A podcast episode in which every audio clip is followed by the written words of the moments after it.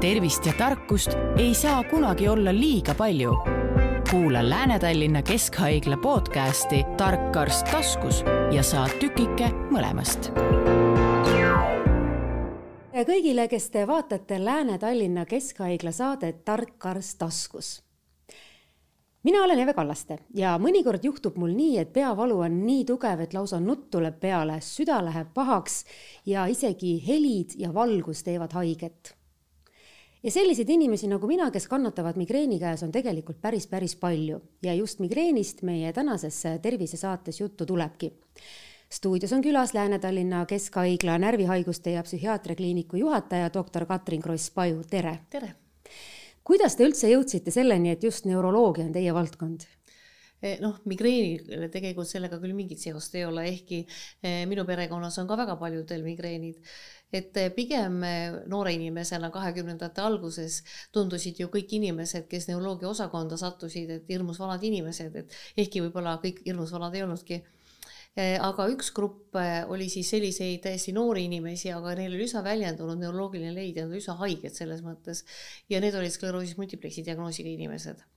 Nii et tegelikult see huvi neuroloogia vastu tärkas mul siis, kui ma töötasin neuroloogia osakonnas hooldajana pärast õena ja avastasin siis nii-öelda, et üks neuroloogiline haigus on noorte inimeste haigus ka, aga migreen tegelikult ju samamoodi on noorte inimeste probleem mm. -hmm päris noorte isegi, ma mõtlema hakkan, siis minu esimene migreeni episood oli siis, kui ma olin kaheteistaastane ja ma olin jalgpallitrennis ja ilmselt ma pingutasin üle selle jooksmise ja pidurdamise ja kõigega.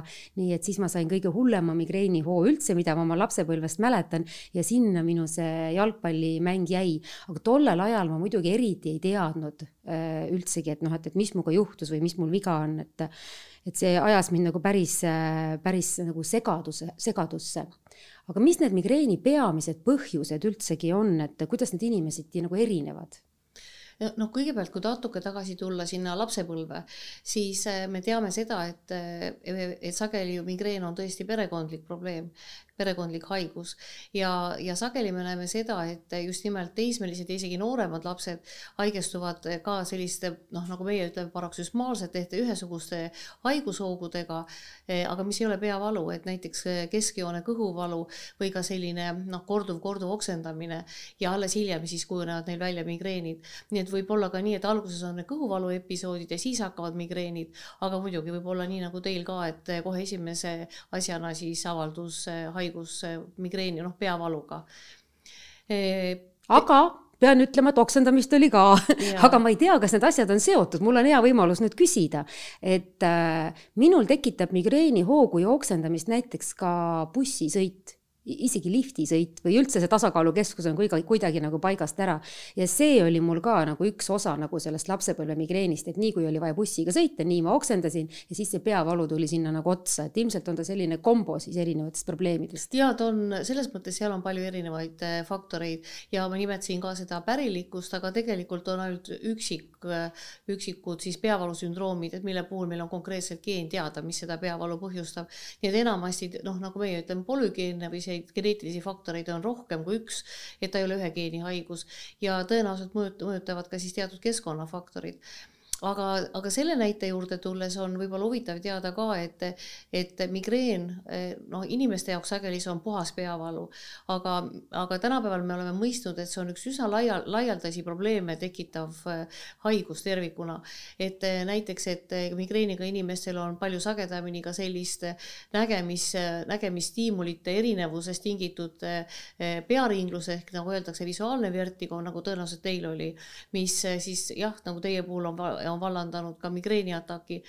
Aga valdavalt eh, neid konkreetseid põhjusi, et miks ühel inimesel tekib siis migreen ja teisel mitte, me tegelikult nii hästi ei tea. ja täpselt samamoodi, et ühe konkreetse migreeniataki põhjus nii-öelda enamasti jääb ebaselgeks.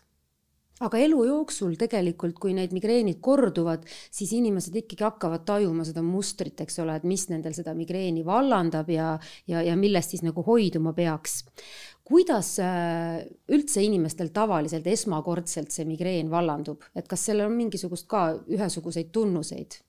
kui kõige esimest korda elus tekib äh, ülitugev peavalu, iivelduse, oksendamise ja valguskartusega, nagu te kirjeldate, siis kindlasti kasvõi selle raadiosaate või televiisori või mis iganes saate peale, mingi info peale, kindlasti ei saa mõelda kindlalt, et jah, minul algab nüüd migreen. kõige esimene kord tuleb kindlasti kutsuda kiirabi ja mõelda sellele, et tegemist võib olla hoopiski mingi muu haigusega, näiteks ajuverevalandusega nii et kõige esimene kord kindlasti me ei tea, mis inimesel viga on ja isegi kui me vaatame migreeni diagnoosi kriteeriume, siis seal on ka, et inimesel peab olema vähemalt näiteks kaks ataki, neli ataki selleks, et me saaks kindlad olla, et tegemist ikkagi on sellise spontaanselt taaskorduva peavalutüübiga mm. -hmm. ja atakk tähendab siis ühte peavaluhoogu nagu või niisugust tulva? jah, aga jällegi, et see on komplekssem, et, et arvatakse ka, et, et see peavalu episood ja see algab tegelikult kakskümmend neli kuni nelikümmend kaheksa tundi varem, eh, mida me nimetame prodroom ja kui, kui jah, varem me rääkisime väga palju, et inimesed saavad aru, et mis tingib seda peavalu nendel, siis eh, tänapäeval me räägime sellest, et on teatud kindlad viited, et see migreen on nii-öelda juba käigus, et näiteks mm -hmm. kaelakangus mm -hmm. või ka mingi eri, eriti niisugune selline nagu kuidagi umbes tunne tekib. ja näiteks võivad olla nagu niisugune vaimse võimekuse langus näiteks, et ei suuda olla. täitsa juhmiks läheb peast. just, ja, ja siis tegelikult äh, nii-öelda kogenud migreeniga inimene mõistab, et nii, et siin juba see migreen on, on hakanud algama ja edasine siis sõltub, et et, et kindlasti peab olema valmis peavalutablettidega, mis meil on olemas siis spetsiifilised migreenitabletid, on olemas ka ühed uued migreenitabletid, mida teoreetiliselt võib kasutada ka sel juhul, kui need kõige esimesed eelsümptomid on juba nagu nii-öelda käigus. et ta ei lähekski üldse et, suureks. et ta ei läheks nii suureks, kui ta tavaliselt läheb ja, ja tervikuna, et miks seda nii palju rõhutatakse tänapäeval, et ongi oluline, et kui inimene tabab ära, millal see algus tegelikult on, et on palju kiirem, palju täpsem ka valuravi alustamisel ja sellega me saame suure hoo ikkagi sageli ära hoida mm. -hmm. mulle tundub, kui ma võtan enda tutvusringkonda või kolleege, siis et see on nagu pigem nagu naiste haigus, aga ilmselt mitte ainult, aga kas see protsent nagu sinna naiste poole on rohkem kaldu? jah, see on natuke eksitav tähelepanek, eksitav selles mõttes, et meestel on ka migreen, aga kaks korda harvem kui naistel, et kui naistel on umbes kaheksateist protsenti elanikkonnast migreenidega, siis meestel on seal kümmekond protsenti. aga eksitav on ta sellepärast, et nagu poolnaljaga võib öelda ka, et kui me teadusartikleid vaatame ja hakatakse siis rääkima meestest ja naistest ja migreenist, et seal, kus see viimane lause on, et naistel on migreeni sagedamini kui meestel ja siis see niinimetatud meeste osa lõpeb ära ja siis me rohkem nagu sellest üldse ei räägi. siis räägime naiste migreenist. räägime ainult naistest ja, aga, aga meeste jaoks on see loomulikult esiteks sama valus, et mida on spetsiaalselt uuritud ja ka sama, samamoodi põhjustab siis lisaterviseprobleeme tulevikus või noh, võimalikke terviseprobleeme lisa, tulevikus me mainisime korra saate alguses seda, et siin on mingisugune roll on ka nagu geneetikal, et kas seda on nagu uuritud ka, et kui suur see roll on? no palju on uuritud, aga mingeid konkreetseid geene, millest ka nii-öelda praktiline abi oleks, ei ole leitud, et tõesti, et on üks selline küllalt haruldane peavaluliik, eh, milles, millel see üks geen, mis seda peavalu põhjustab, on leitud, aga eh, enamasti niisugust konkreetset pärilikku eelsoodumust me ei saa kindlaks teha see on pigem nii, et kui su emal on, noh, siis sul on ka, aga, aga ei teata nagu päris täpselt, et mi, mis see on, et mis just seda geeni konkreetselt või geeni või geenikombinatsiooni ei ole, ei ole üles leitud ja., jah. sellel on vist üks pluss ka, kui see on nagu geneetiline, et siis sa võid sellelt eelmiselt põlvkonnalt küsida, et mida teha ja mis aitab ja, ja kuidas need, kuidas need viisid on, et, et kuidas ma saan teha, et, et seda paremini taluda jah, kui eh, enamasti arstid tahavad ikka, et eh, alguses peaks olema täpne diagnoos ja võib-olla arstlik eh, konsultatsioon, siis selle migreeni osas ma olen küll teiega täiesti nõus, et kui on täpselt nii, nagu on olnud ja, ja inimesed saavad kenasti oma peavaludega siis ise hakkama, siis tingimata ei ole vaja täiendavalt seda arsti konsultatsiooni aga erandiks on kindlasti ka see olukord, et kui need peavalud tõesti on kordunud ja see on muutunud nagu teatud määral tavaliseks, ehk inimene saab nendega hästi hakkama, ikkagi kui nüüd tekib see ükskord äkki tekkinud ülitugev peavalu, midagi on teistmoodi, on tugevam see peavalu, mis iganes, ikkagi peab mõtlema sellele ka, et kutsuda kiirabi ja, ja et saab kindlaks teha, et selle taga ei ole mingit muud haigust mm. -hmm. nii et jah, põhimõtteliselt see kodune ja perekondlik eh, kogemus on oluline, aga siin peab mõtlema ka läbi, et ei, ei magaks midagi olulist maha. millised need levinumad migreeni vallandajad üldse on sellises igapäevaelus, et me just rääkisime nagu naiste ja meeste migreenist, et no naistel on kindlasti see menstruaaltsükkel, mis avaldab nagu mõju, meestel võib-olla seda aspekti nagu ei ole, on ju. aga mis asjad veel on, mis, mis vallandavad seda migreeni hoogu? no see võib, võib öelda, et see, sellele küsimusele saab vastata siis nagu natuke, isegi võib öelda diametraalselt erinevalt, et natuke sõltuvalt siis sellest, et milline on konkreetse neuroloogi koolkond. et on suur koolkond Eh, professor Kõutspi näiteks, väga kuulus neuroloog, kes eh, on üsnagi palju tööd teinud selle nimel, et näidata, et need nii-öelda vallandavad faktorid paljuski on kas prodroomid või et inimestel on valesti meelde jäänud. mis see prodroomid tähendab? prodroom ongi siis see, kus kakskümmend neli kuni nelikümmend kaheksa tundi algavad teatud eelsümptomid ehk piltlikult öeldes, kui tekib selline uimane tunne või kaelakangus või isu millegi järgi, mida inimene tavaliselt ei taha, näiteks inimene ei joo kunagi punast veini, aga vot reede õhtul mul tõesti tekib isu ja järgmine hommik on ja ta joobki seda punast punast veini ja järgmine hommik on migreen kohal. ja siis sa mõtled, et punase veini pärast on mul Just, migreen. aga tegelikult see migreen oli, oleks niikuinii tulnud, et lihtsalt mm -hmm. see isu muutus näitas, et see, see migreeni nii-öelda erutuslaine oli jõudnud siis söögiisu keskusesse. kusjuures mina olen tähele pannud, et siis, kui mul migreen hakkab tulema, mul päriselt tekib isu selliste asjade vastu, mida või suhtes mida peetakse migreeni vallandajateks. ja, ja, ja. ja ma pole varem sellele niimoodi mõelnud, et see ei olegi vallandaja, vaid see on lihtsalt see isu, mis võib tekkida. ja, ja seda on kontrollitud uuringutes ka, et, et on siis proovitud neid erinevaid provotseerivaid faktoreid, nagu inimene teab, ja tegelikult eh, nendest eh, noh, ütleme, kui uuringus oli seal mingi kakskümmend seitse, kolmkümmend inimest, siis ainult paaril õnnestus siis nende provotseerivate faktorite peale tõesti ka vallandada migreen. Need ülejäänud juhtudel ikkagi need väga kindrad provotseerivad faktorid olid tegelikult ikkagi prodroomi osa.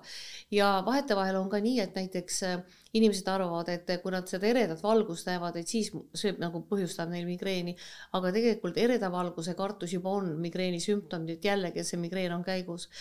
Nii et, et kokkuvõtlikult kõikidest nendest väga-väga-väga-väga paljudest faktoritest, mis päriselt on jäänud nagu pidama riskifaktoritena migreeni provotseerivateks faktoriteks, on stress ja stressilangus nii et kui pingemuutus on nii-öelda. just, ja, ja seetõttu ongi hästi tüüpiline, et on reede, kõik on väga tore, järgmine on laupäev, meil on nädalavahetus, pingelangus ja laupäeva hommikuks on migreen käes. minul on olnud täitsa selline eluperiood et kus kõik laupäevad olid nii, et emme on voodis, keegi ei tohi ülesse tulla, tuba on pime, rätik on peas, süüa-juua ei saa, ainult oksendad, pea valutab. Ja see oli täpselt ainult laupäeviti. no ja siis mõnikord ka veel pühapäev otsa ja mõnikord veel pool esmaspäeva ka, aga see, et kaua kestab, see on vist nagu igal inimesel individuaalne, et minul on kuskil kolm-neli päeva, ma olen kuulnud, et mõnel inimesel on ainult paar tundi see sõltub ravist ka muidugi, et tänapäeval ikkagi me ei tohi alla anda, et tänapäeval me peame ikkagi leidma sellise ravi, et me saame võimalikult kiiresti need migreenisümptomid kontrolli alla.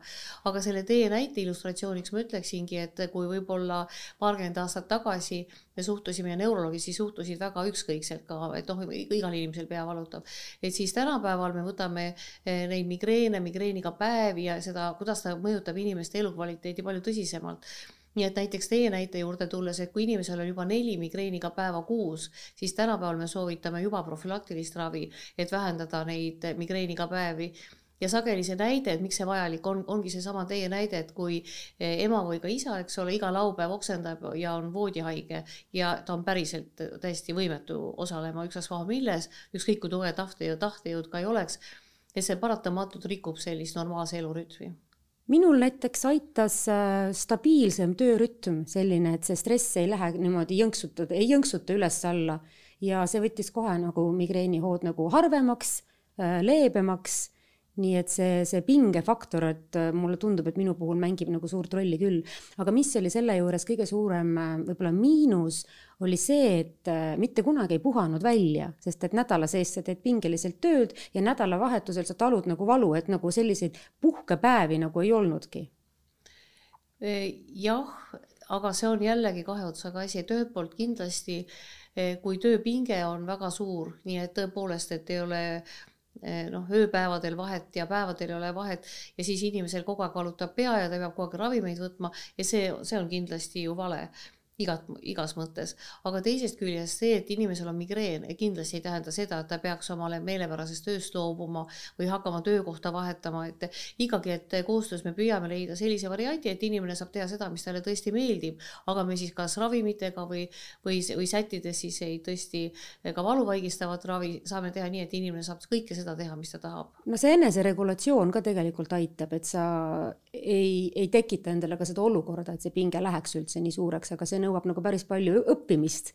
ikka, ikka aastate jooksul nagu õpid, et kuidas oma seda hoogu leevendada või ära hoida või, või edasi lükata äh, minu lähedane rääkis enda kolleegist, kes näiteks ei, ei julge vabu päevi võtta, sest et siis tuleb migreen ja ta lasebki nagu ühtlase töörütmiga nagu kogu aeg, et see on ka üpris äärmuslik tegelikult äh, lahendus. no tänapäeval me ikka ei soovita seda, et ikkagi meil on päris palju erinevaid võimalusi, kuidas ikkagi neid migreene vähendada ja, ja parandada ka hooravi, et, et äh, ikkagi eesmärk on ikka normaalne elu mm. -hmm.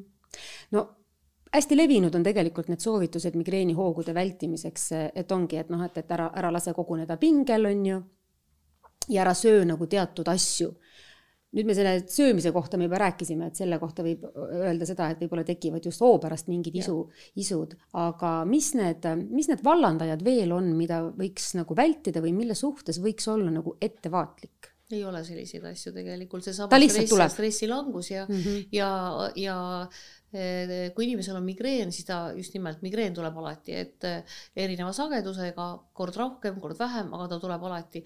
nii et tegelikult eh, pigem ka sellisel nii-öelda kehval perioodil on pigem ohtlik eh, umbes kõigest loobuda ja mitte midagi siis võib-olla süüa kõik dieedist või sellest toitumissedelist kõrvale jätta, et, et kindlasti, et seda ma kindlasti ei soovita. kas siis võib niimoodi järeldada, et selliseks mõneks tõhusaks viisiks, kuidas siis vältida on migreeni, on siis see, et enda stressitaset hoida nor normaalsuse piires ja kuidas veel saab vältida, kui nad on hullud, siis profülaktilise raviga, jah? noh, stressi vältimine on tõepoolest kahe, kahe teraga mõõk, et, et kindlasti, et iga inimene, kellel on meeldiv, aga stressirohke töö, ei pea sellest loobuma lihtsalt sellepärast, et tal on migreen aga pigem noh, selleks, et olla oma elu peremees, et inimene peab ära tundma need prodroomid, et ta teab, mis juhtuma hakkab, tal peab olema käepärast efektiivne migreeni valuhooravi, mida on ka siis erinevad võimalused. Ja vajadusel, et miks mitte, et saab ju kasutada ka seda niinimetatud profülaktilist ravi, mida tuleb küll regulaarselt teha, aga, aga siiski enamuse nende ravide foonil migreenihoogude sagedus väheneb viiskümmend protsenti, nii et ja rohkem veel nii et eh, need võimalused on nagu olemas, et lihtsalt võib-olla ei pea väga muretsema selle pärast, et eh, neid ravime, see ravimite võtmine kindlasti on väiksem koormus ja, ja stress kehale kui nende migreenihoogude talumine mm. -hmm. tulebki võtta juba siis ravimit, minu kogemus ütleb, et tuleb võtta siis, kui sa tunned, et vist hakkab hoog tulema, sest see migreen käitub väga kummaliselt. et kui ta on juba kohal, siis sul nagu kaob ära võime iseennast aidata, siis sa nagu tead, et sul isegi on seal köögikapi sahtlis see rohi, aga sa ei suuda sinna kööki minna et kas siis nagu füüsiliselt on nii halb või sa vaimselt ei suuda ennast nii palju kokku võtta, et sa lähed seda rohtu võtma. et iga kell on parem võtta see rohi siis, kui sa veel oled tegutsemisvõimeline. Jah, ja kui öösiti on näiteks migreenihood algavad, et peaks voodi kõrval olema tabletid ja vesi ja laisk ei tohi olla, et kui läbi une inimene juba tunneb, et see pea hakkab tasapisi, hakkab midagi sättima, eh, siis tuleks kohe ravimid sisse võtta. ja ta kipub nii olema, et sa ärkad hommikul peavaluga, eks ja, ole. jah, aga tegelikult öösel hakkab peale ja, ja, ja sageli inimene ikkagi tunneb öösel juba, et midagi toimub, aga vahel eriti uniseb ja ka tekib lootus, et äkki läheb üle, aga äkki tegelikult ei lähe üle. ja, ja millised üldse praegu on need ravivõimalused, et äh, räägime ennem sellest, kuidas diagnoositakse, kui inimene nüüd kuulab praegu meie juttu, on ju, tal on juba võib-olla migreen olnud kaua aega, võib-olla ta mõtleb, ahaa, et see asi, mis mul on, see ongi migreen. et millest ta nagu alustama peaks, kuidas selle migreeni diagnoosi saab? Migreeni eh, saab tegelikult inimene ise ka diagnoosida, et on niisugune hästi lühike küsimustik eh, internetis kättesaadaval eh, ja teatud küsimustele vastates, et ongi võimalik kindel olla, et on migreen aga, aga ka niisuguses meditsiinis, et meil on tegelikult konkreetsed küsimused, mida me patsiendi käest küsime ja vastavalt sellele, kuidas ta vastab, et vastavalt sellele saab siis ka, ka diagnoosi. et kõik pea, kõiki peavalusid tegelikult diagnoositakse selle järgi, kuidas inimene oma, oma peavalusid kirjeldab nii et eh, kui, kui peavalu on ühepoolne ja pigem pulseeriv ja pigem mõõdukas või tugev eh, ja sellel ajal on siis füüsilise koormuse talumatus, pluss sinna juurde iiveldus, oksendamine, valguskartus, mürakartus, aga ka lõhnade eh, niisugune kartus ja kui see kõik kokku on, on olnud näiteks viiel korral juba või ka siis, kui on ka näiteks teatud aurasümptomid seal virendus silmade ees paaril korral ja me saamegi kindlalt öelda, et inimesel on tõesti migreen mm. -hmm ja millised siis on need praegused ravivõimalused, et seda migreeni kontrolli all hoida, et minul on migreen olnud noh, ikka väga palju aastaid ja mõnes mõttes ma olen selle nagu kaasa teinud, et kuidas need ravimid on muutunud ja, ja väga palju muutus siis, kui tulid spetsiaalsed migreeniravimid Äh, siis muutus siis, kui ma sain aru, et mõned nendest organismist harjub ära või kuidagi, et lõpuks need enam ei toimi, sa pead leidma endale mingid uued rohud ja, ja, ja nüüd ma tean, et on veel samm edasi astutud, et on veelgi paremateks, paremateks need rohud läinud ja et kõik algab äh, talupojatarkusest, et, et loomulikult, et esmavalikuna me kasutame ju ibuprofeeni, paratsetamooli ja, ja. mis minu meelest korraliku migreeni puhul ei toimi. väga erinevalt, eks, et et jah, korraliku migreeni mõte ka võib-olla selle klaariks ka ära, et veel paarkümmend aastat tagasi me saime migreeniks lugeda ainult ülitugevaid peavalusid iivelduse ja oksendamisega, aga kui väga tähelepanelikult lugeda kaasaegseid kriteeriume, kui on ühepoolne pulseeriv mõõdukas valu, et tege- ja võib-olla kerge iiveldus, et siis tegelikult me saame selle diagnoosini noh, nagu juba jõuda. E, e, ja, ja kui nendel juhtudel needsamad käsimüügiravimid aitavad, siis ei ole tarvis tegelikult edasi muretseda ja lihtsalt tulebki valu alguses kohe need ravimid sisse võtta. see reegel, mida te nimetate, et mida varem, seda parem, see on absoluutne sajaprotsendiline reegel ja kehtib sõltumata sellest ravimist, mida me kasutame. et piltlikult öeldes ka, et kui see migreen on kontrolli alt väljas, me võime kiirabi kutsuda, igasuguseid asju teha, aga noh, ka meditsiinis, EMO-s, kiirabil meil ei ole selliseid efektseid ravisid, et me saame nagu paugu pealt selle valu nii-öelda kustutada. et igal juhul, et aeg määrab selle ravi efektiivsuse sõltumata, mida me kasutada saame. siis ajalooliselt teine hooravim tõesti olid need spetsiifilised niinimetatud triptaanid, somatriptaan näiteks solmitriptaan, risatriptaan Eh, mis on, mis on päris hea efektiivsusega, aga siin kehtib täpselt sama põhimõte, et need ravimid tuleb võimalikult kiiresti sisse võtta. Ja natukene on siin võib-olla vastuolu teaduse ja sellise terve mõistusega soovituste vahel, ehk et kui inimene on väga kindel, et tal algab migreen, siis tegelikult ka kohe, kui peavalu tekib, on absoluutselt õige, õige aeg seda ravimit võtta, aga kui inimene on väga-väga-väga see noh, see mudel on väga selge. sul tekib see migreeni tunne kehasse. siis tegelikult eh, isegi noh, napilt enne selle peavalu teket, et eh, võib, võib ka neid triptaane võtta, selle kohta on üks väike uuring ja enamasti me soovitame valu alus, ravi alustada just valu alguses. aga kui on inimene jumala kindel, et siit tuleb üks migreen, et, et siis võib seda teha ka natuke varem ja erijuhtum on ka eh, see migreen, mis on seotud puhtalt siis menstruatsiooniga, et seal on ka siis teatud võtted, et eh, mida me saame siis koostöös juba ja, ja kuulan kusjuures põnevusega, ma arvan, et eh, meie saate vaataja-kuulaja kuulab ka põnevusega, et mille poolest see menstruatsiooniga seotud migreen siis nagu teistmoodi on, mida tuleks selle puhul tähele panna? kui migreen on seotud menstruatsiooniga, siis see jaguneb laias laastus kaheks, et üks on see, mis on tüüpiliselt ainult ja unikaalselt seotud äh, eeskätt siis menstruatsiooni algusega. Ja teine on siis see tüüp, kui pea on neid migreene üleüldiselt ka, aga võib-olla tõesti, et päevade ajal siis natukene rohkem või vähem. Äh, kui on isoleeritult seotud migreenid nende menstruatsiooni alguse päevadega, siis on seal teatud võimalused, et me saame kasutada teatud profülaktilisi ravimeid, aga seda peab tegema koos arstiga, nii et päris üleüldiselt eh, neid soovitusi nagu ei saa anda, aga seal on teatud variandid olemas ja põhjus on siis selles, et eh, need menstruaalmigreenid on, alluvad eriti halvasti tegelikult eh, valuvaigistitele ka. mis aga, on tõsi, jah. jah, aga kui on üleüldiselt neid migreene, et siis peab lihtsalt leidma sobiva ravimi.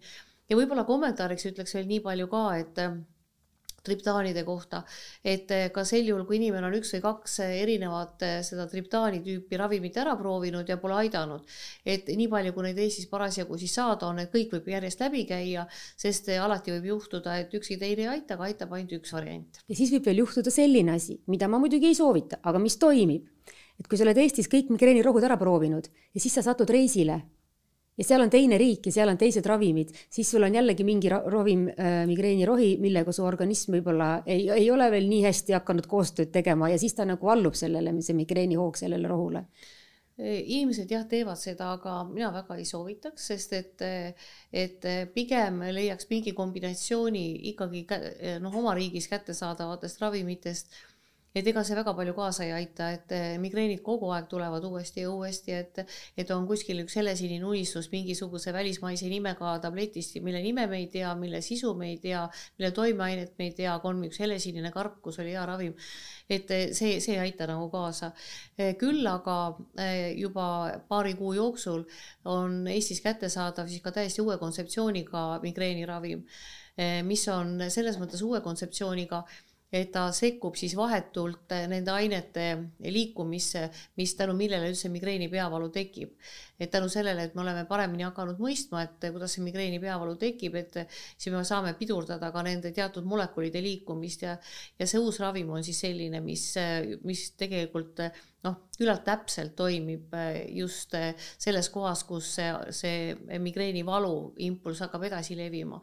ja nende uute ravimite eelis on siis tõesti see ka, et nii rangelt seda valu algust me ei pea silmas pidama, vaid, vaid võime alustada raviga ka siis, kui on juba need eelsümptomid, me oleme kindlad, et juba on kael kange, juba on mõistus nagu selline pidurdatud et jah, et nüüd iga kord on mul hakanud migreen, et siis tegelikult võib võtta neid uusi ravimeid siis ka. -hmm. kas neid meie naabermaades juba kasutatakse, et milline see kogemus on või tagasiside? noh, tavaliselt see praktiline kogemus tuleb ikkagi võib-olla oma tööga, aga tähtsam võib-olla kui praktiline kogemus on ikka ka see, kui me vaatame, mis uuringuid on tehtud, mis nende uuringute tulemused on ja sellest formeeruvad ka meie soovitused, nii et, et tegelikult need uuringud ongi näidanud seda, et, et seda tüüpi, seda uut tüüpi ravimit, seda võib kasutada siis noh, ikkagi tunduvalt varem. no kui me nüüd räägime sellest, et elustiiliga võiks ju ka kuidagi leevendada seda oma migreeni või migreeni vallandumist, siis äh, mida need patsiendid on rääkinud, et mis nagu aitab, et kui ei ole, mis ei ole nagu ravim, aga mis nagu toetaks seda ravimi võtmist? seal ei ole tegelikult midagi, et ma arvan, see kontseptsioon on vale, et, et äh, ma arvan, et põhimõtteliselt äh, nagu ennegi nimetasin, et, et eesmärk on, et inimene elab oma tavapärast elu sellist, nagu ta tahab. et migreen ei ole kindlasti mitte noh, selline eluohtlik haigus, et ta, ta on see, mis inimene tunneb, et tugev peavalu, mis läheb ükskord üle mm. -hmm. et, et selles mõttes ei ole tegelikult nagu põhjust oma elu ümber selle migreeni ehitada, vastupidi, et elu peab olema tavapärane ja me katsume siis taustal oleva migreeniga lihtsalt võimalikult hästi hakkama saada ja tõepoolest, et tänu ka nendele erinevatele ravivõimalustele on see järjest, järjest efektiivsem mm. -hmm. nii et kindlasti me ei soovi seda, et inimese elu keskmes on migreen ja siis kõik ülejäänud asjad sobituvad nii, nagu nad no samas saavad. ma panen ikkagi mütsi pähe, kui ma lähen randa, sest mul hakkab tuulest pea valutama.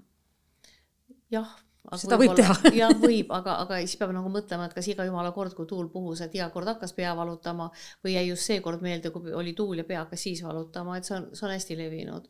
et ehk, et ka noh, muudes tekib mingi ebameeldiv situatsioon, et mida on võib-olla kümneid, aga kui sellele ebameeldivale situatsioonile järgneb ükskord elus peavalu, siis jääb hästi meelde, et vot see ebameeldiv situatsioon oli enne ja sellele siis järgnes see peavalu mm. -hmm. kust maalt saab öelda, et migreen on krooniline, kui üldse niimoodi eristatakse? ja see on väga oluline, et migreeni puhul on ülioluline see, kui sageli neid peavalusid on, mis on ju ka inimlikult väga mõistetav, et loomulikult, et kui on kümne aasta kohta üks peavalu, et noh, muidugi on halb, kui see üks päev kümne aasta jooksul kaotsi läheb, aga kui inimesel on neli nädalavahetust kuus, mis on, mis on kaotsi läinud, või on kaheksa päeva või, või ka viisteist päeva või kolmkümmend päeva kuus, mis on peavaluga, et see elukvaliteet on kindlasti väga erinev. Nii et eh, jah, me ise arvame ka, et kõige raskemaks migreeniga inimeste hulgaks, kontingendiks, kogu grupiks on siis need inimesed, kellel on viisteist päeva kuus vähemalt peavalusid ja kaheksal päeval on tõelised migreenid, aga kahjuks on ka neid inimesi, kellel sisuliselt on kolmkümmend päeva kuus peavalu ja iga päev iiveldab. teate, mina olen tähele pannud, et um, üks asi on kindlasti see, et mu stressitase on praegu normis ja sellega on kõik hästi ja mulle meeldib ja ma teen nagu rõõmuga oma tööd.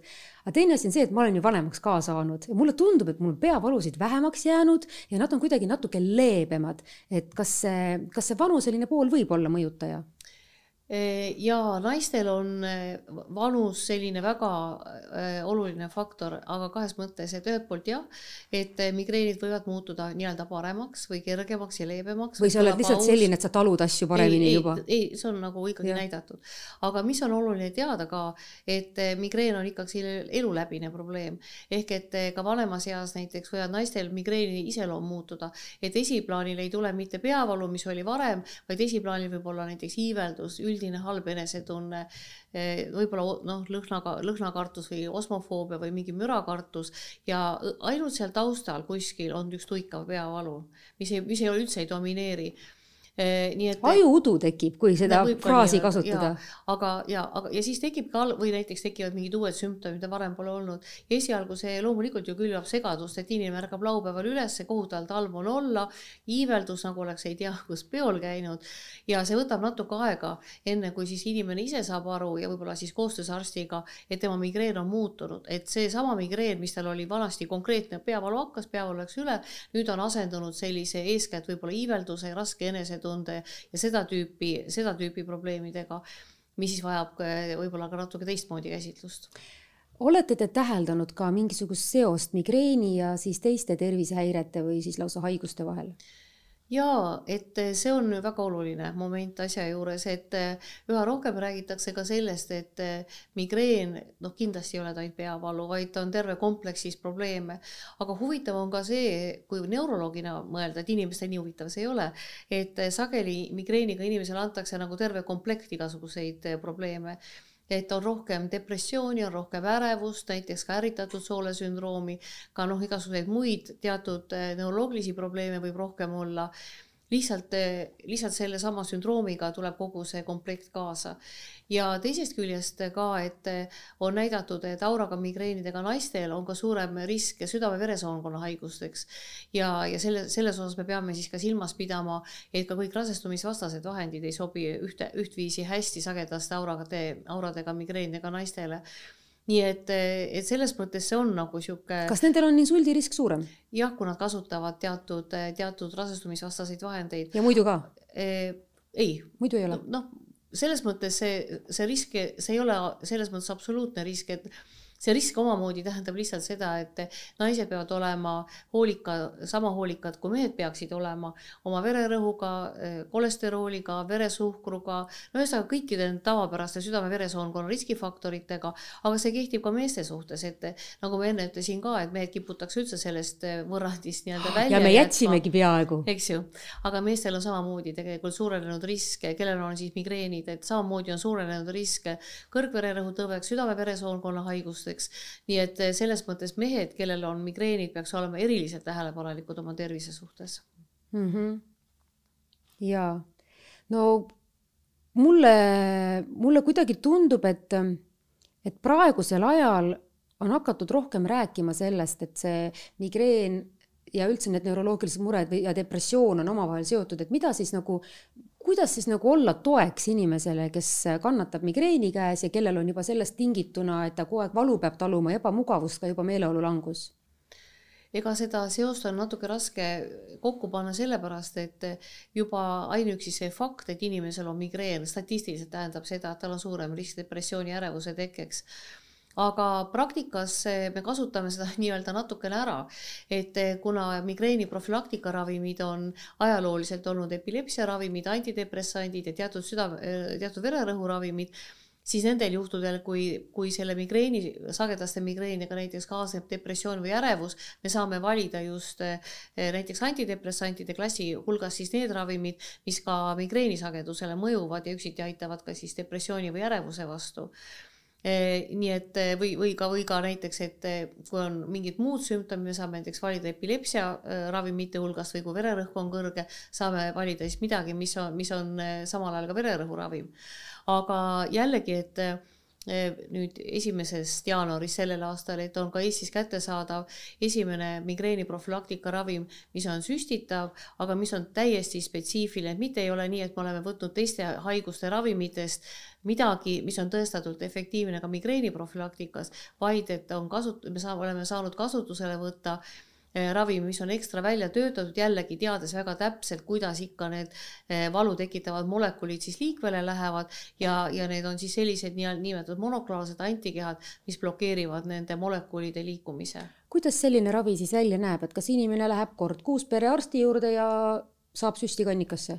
Ei, ta ikka ise peab kodus süsti tegema, et eh, eh, noh, variant on ka teatud ravimite puhul, et, et võib teha kolm süsti korraga ja siis on nagu terveks kolmeks kuuks nagu noh, ei pea neid süste tegema.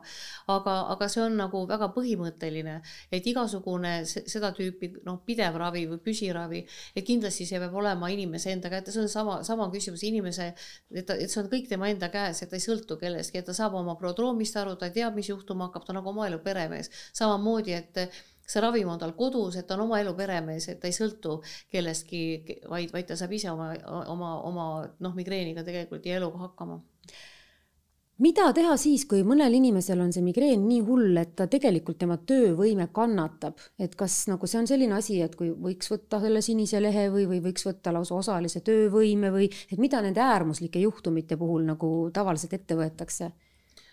No esimene nõuanne on see, et alla ei tohi anda, et, et kindlasti ei maksa mõelda, et kui on üks-kaks, võib-olla kolm erinevat ravimit läbitud, et vähendada migreeniga päevade arvu kuus ja selgub, et üks ravim ei sobi, teine ei sobi, võib-olla kolmas ei ole piisavalt efektiivne et eh, ikkagi ei tohi alla anda, et eh, neid ravimeid eh, ei ole tohutult palju, aga meil on terve hulk ravimeid siiski, mille puhul on tõestatud efektiivsus ja nüüd on veel need uued, noh, tõesti need on süsti kujul siis need uued ravimid ka, et mis võivad anda lisaefektiivsust inimestele, kellele varasemad ravimid aidanud ei ole ja tuletame siis ikkagi meelde, et neid äärmuslikke juhtumeid ei ole nii palju, et enamike inimeste puhul need äh, migreenirohud ikkagi väga hästi toimivad. jah, aga, aga on inimesi, kellel on väga rasked migreenid, aga tuleb tunnistada ka, et nende hulgas on ülipalju neid inimesi, kes väga vapralt tööl käivad, et nad lihtsalt, lihtsalt on nii tublid. see on nende elu osa ja? jah, nad on lihtsalt nii tublid olete te nagu kohanud sellist mingisugust tüüpilist väärarusaama ka migreeni kohta, et mida tuleb nagu ümber lükata?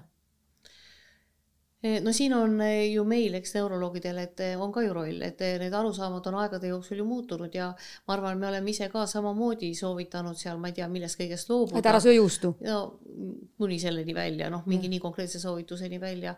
et aga, aga võib-olla see väärarusaam, mis on nagu inimese jaoks mitte kas just et ohtlikum, aga tüütum, on see, et, et mitte mingil juhul ma ei taha, eks ju, ravimeid võtta, aga ma olen nõus kõike tegema, et tegelikult see ei aita, et noh, see, see, see on nagu aja raiskamine, et et ikkagi, et tuleb, tuleb valida ikka ju sobivad ravimid ja, ja kasutada neid võimalusi, mis tänapäeval olemas on. Mm. -hmm me nüüd juba natukene mainisime seda, et on tulemas selline uus, loodetavasti veelgi efektiivsem ravim, aga olete te uurinud ka juba, et milliseid arengusuundasid üldse migreeni äh, uurimise vallas või selle ravimise vallas parasjagu veel õhus on kuskil?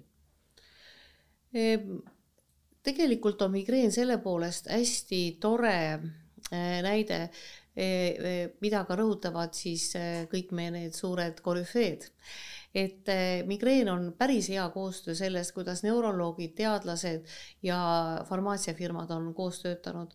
Ja, ja ikkagi, et tundub tõesti, et eh, kui see on selline aus nii-öelda koostöö, kus eh, need teadmised, mida on laborites saadud, paisatakse kohe ka uute ravimite väljatöötamisse, siis inimesed võidavad sellest kõige rohkem.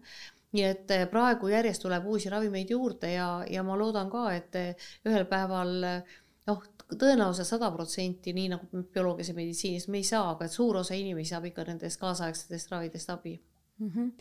et äh, on teil selline mõni eriti hea edulugu migreeni ravimisest, et kas seda üldse saab välja ravida? see, see lugu, mida ma jagaksin, on mitmetahuline selle poolest, et kui me enamasti räägime migreenist kui peavalust, mis tegelikult tänapäevase arusaamise kohaselt ei ole üldse õige, kuna nii palju muid sümptome ja probleeme kaasneb selle ühe peavaluga siis äh, on üks äh, jah, et üks selline lugu, kus üks noormees, et kelle eluunistus oli kokaks saada, aga tal olid kohutavalt rasked migreenid. Ja need migreenid, see peavalu oli ka probleem, aga põhiline probleem oli lõhnade kartus, et osmofoobia. Ehk et kui, kui tal migreen algas, ta ei, ta, ta ei talunud mitte ühtegi lõhna, söögilõhna eest teda lihtsalt iiveldama, noh, praktiliselt oksendama, kui ta ei saanud kuskile selle eest peitu ja oligi, ja kuna ta olid väga sagedased migreenid, siis tundus, et seda kokka, noh, lihtsalt see ei ole nagu inimlikult võimalik, sest nii kui migreen algas, siis kõik see ajas teda iiveldama, ükskõik mis lõhn, eriti söögilõhn tundus talle eriti vastik. ja, ja tõesti, et eh, ikkagi leidsime, eh, leidsime sellise ravimi, millega me saime need hood kontrolli alla ja, ja inimene sai kööki tagasi minna ja ma usun, et äh, nii mõneski valdkonnas inimesed, kui nad leiavad sellise õige ravimi, et nad saavad oma armastatud tööga jätkata, et see, see on julgustav. no ma loodan küll. suur tänu, doktor Katrin Kross-Paju, kes on siis Lääne-Tallinna Keskhaigla närvihaiguste ja psühhiaatria kliiniku juhataja.